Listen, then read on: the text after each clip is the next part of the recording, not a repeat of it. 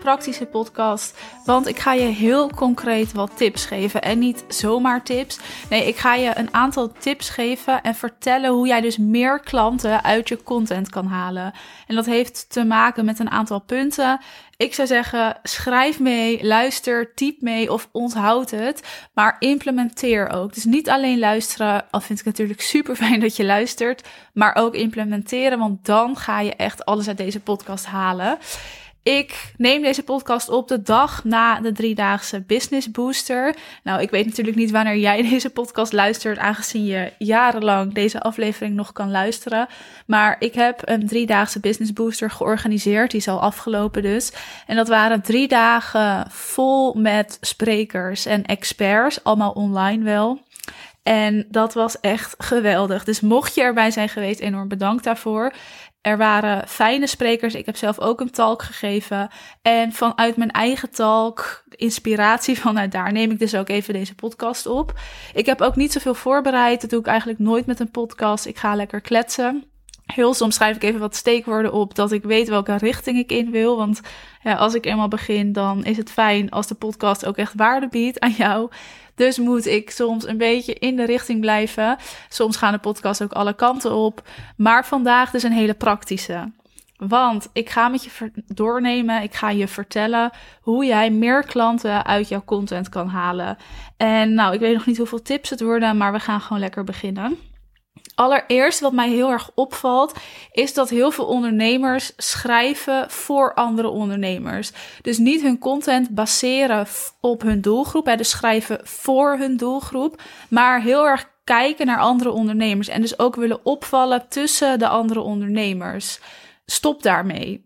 Je hoeft niet op te vallen tussen andere ondernemers. Je wil dat je schrijft voor je doelgroep. En ik weet niet zeker of ik dit al eerder benoemd heb in een aflevering. Ik denk het wel. Maar het is ook soms wel eens zo. En een van mijn oud-klanten ook. Die was eigenlijk helemaal niet zo bekend in het ondernemerswereldje.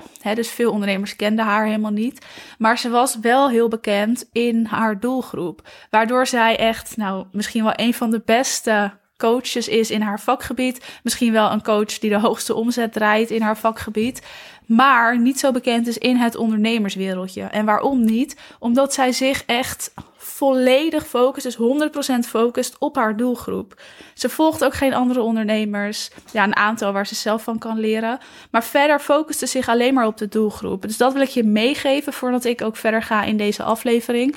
Zorg dat jij opvalt voor je doelgroep en niet voor die andere ondernemers. Dat interesseert me niet. Doe dat niet, stop ermee. Nou, nu ga ik iets met je delen wat je vandaag nog kan toepassen. Dit kun je nu nog implementeren. Pak desnoods een oude post erbij van je Instagram of ga naar je salespagina en herschrijf dat. Wat je namelijk wil voorkomen is dat je twijfelwoorden gebruikt in je content, in al je content. Dus wat ik zei op je salespagina's, maar ook dus in je e-mails, in je content op Instagram.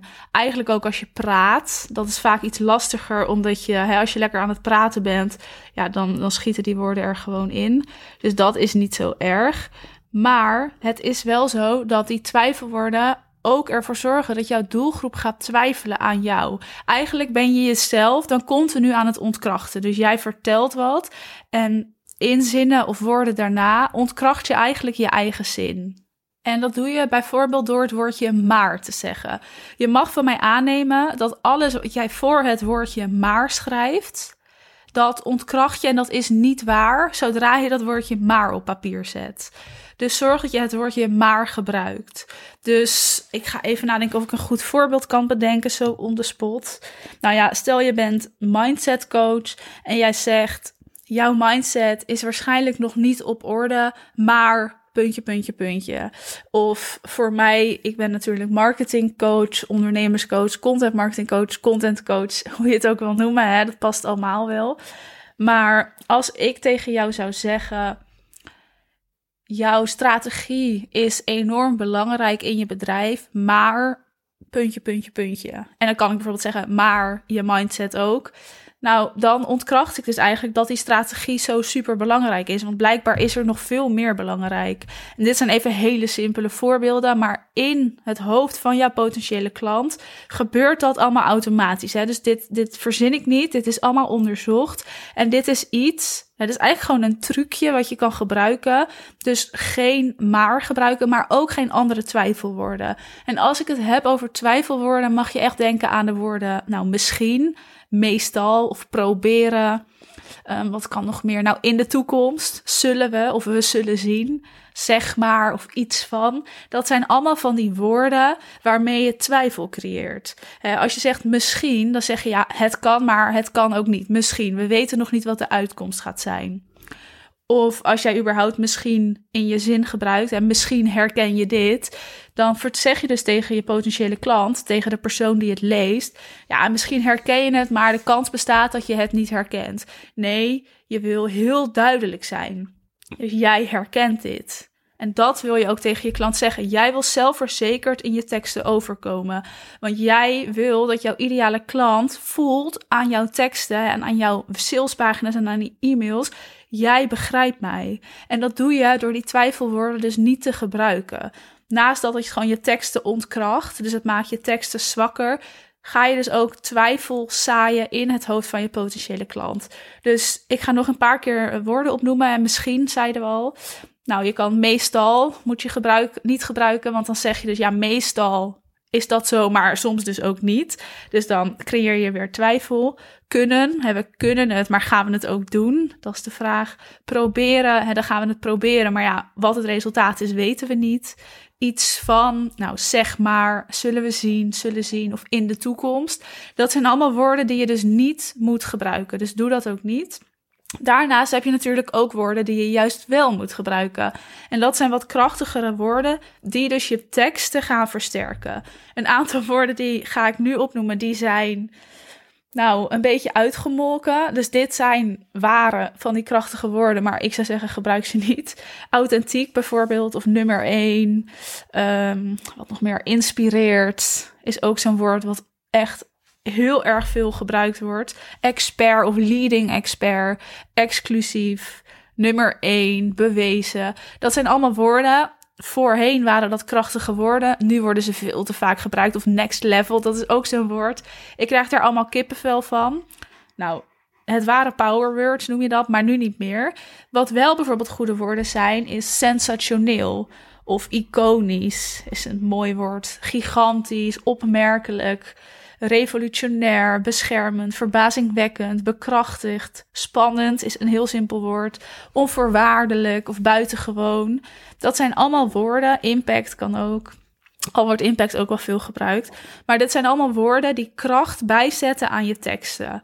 Dus ga die woorden gebruiken. Verwerk ze eens in je, nou bijvoorbeeld je content. En ik daag je dus nu nog uit. Ik geef je gewoon een klein opdrachtje mee. Huiswerk noemen we dat. Pak eens een oude post en ga die eens herschrijven. Haal de twijfelwoorden eruit en voeg er eens van die krachtige woorden aan toe, die ik dus net heb benoemd. Zodat jij je tekst van een zwakke, simpele, normale tekst gaat omzetten in een krachtige tekst die ook pakkend is en die ook inspireert voor jouw doelgroep. Dus doe dat. Stuur mij desnoods ook de voor en na van jouw tekst. Ik kijk heel graag met je mee. En ik ben natuurlijk heel benieuwd hoe je dat doet. En dan als allerlaatste wat ik je toch nog even wil meegeven voordat ik hem ga afsluiten. Zorg ook dat je je zinnen afschrijft. Dat klinkt heel logisch, maar heel vaak stoppen we terwijl een zin nog niet af is. En wat ik daarmee bedoel is dat, nou dan wordt er wel een hele zin geschreven, maar zorg dat je er nog wat achter zet. Bijvoorbeeld zodat. Dat je de reden van zo'n zin duidelijk maakt. Dat je de inhoud erin zet. Dat je zorgt dat je to the point komt. Dat je echt tot de kern komt. Ik kijk natuurlijk heel veel content teksten na, ook voor mijn klanten. En het zit hem echt heel vaak. Het verschil zit hem vaak in dus ook of je er wel of geen klanten uit gaat halen. Is bijvoorbeeld dat je er soms het woordje zodat achter moet zetten. Dus dan schrijf je je zin en dan zeg je zodat. Zodat je de zin afmaakt. En dat woordje zodat, dat gaat daar dus ook voor zorgen. Dus neem dat ook mee in als je je teksten gaat schrijven. Nogmaals, Laat het me weten. Stuur me een voor en na van hoe jij je tekst hebt verbeterd. Daar ben ik enorm benieuwd naar. En dan zie ik je de volgende keer weer. Of althans, ik zie je niet. Het is altijd eenrichtingsverkeer. Maar laat me vooral weten, nou, wat jij van deze aflevering vond, wat je überhaupt van de podcast vindt en dat je natuurlijk luistert. Je kan de podcast sterren geven, dus doe dat ook. Daar uh, ben ik je enorm dankbaar voor. Fijne dag of avond of wandeling, wat je ook aan het doen bent. En tot de volgende.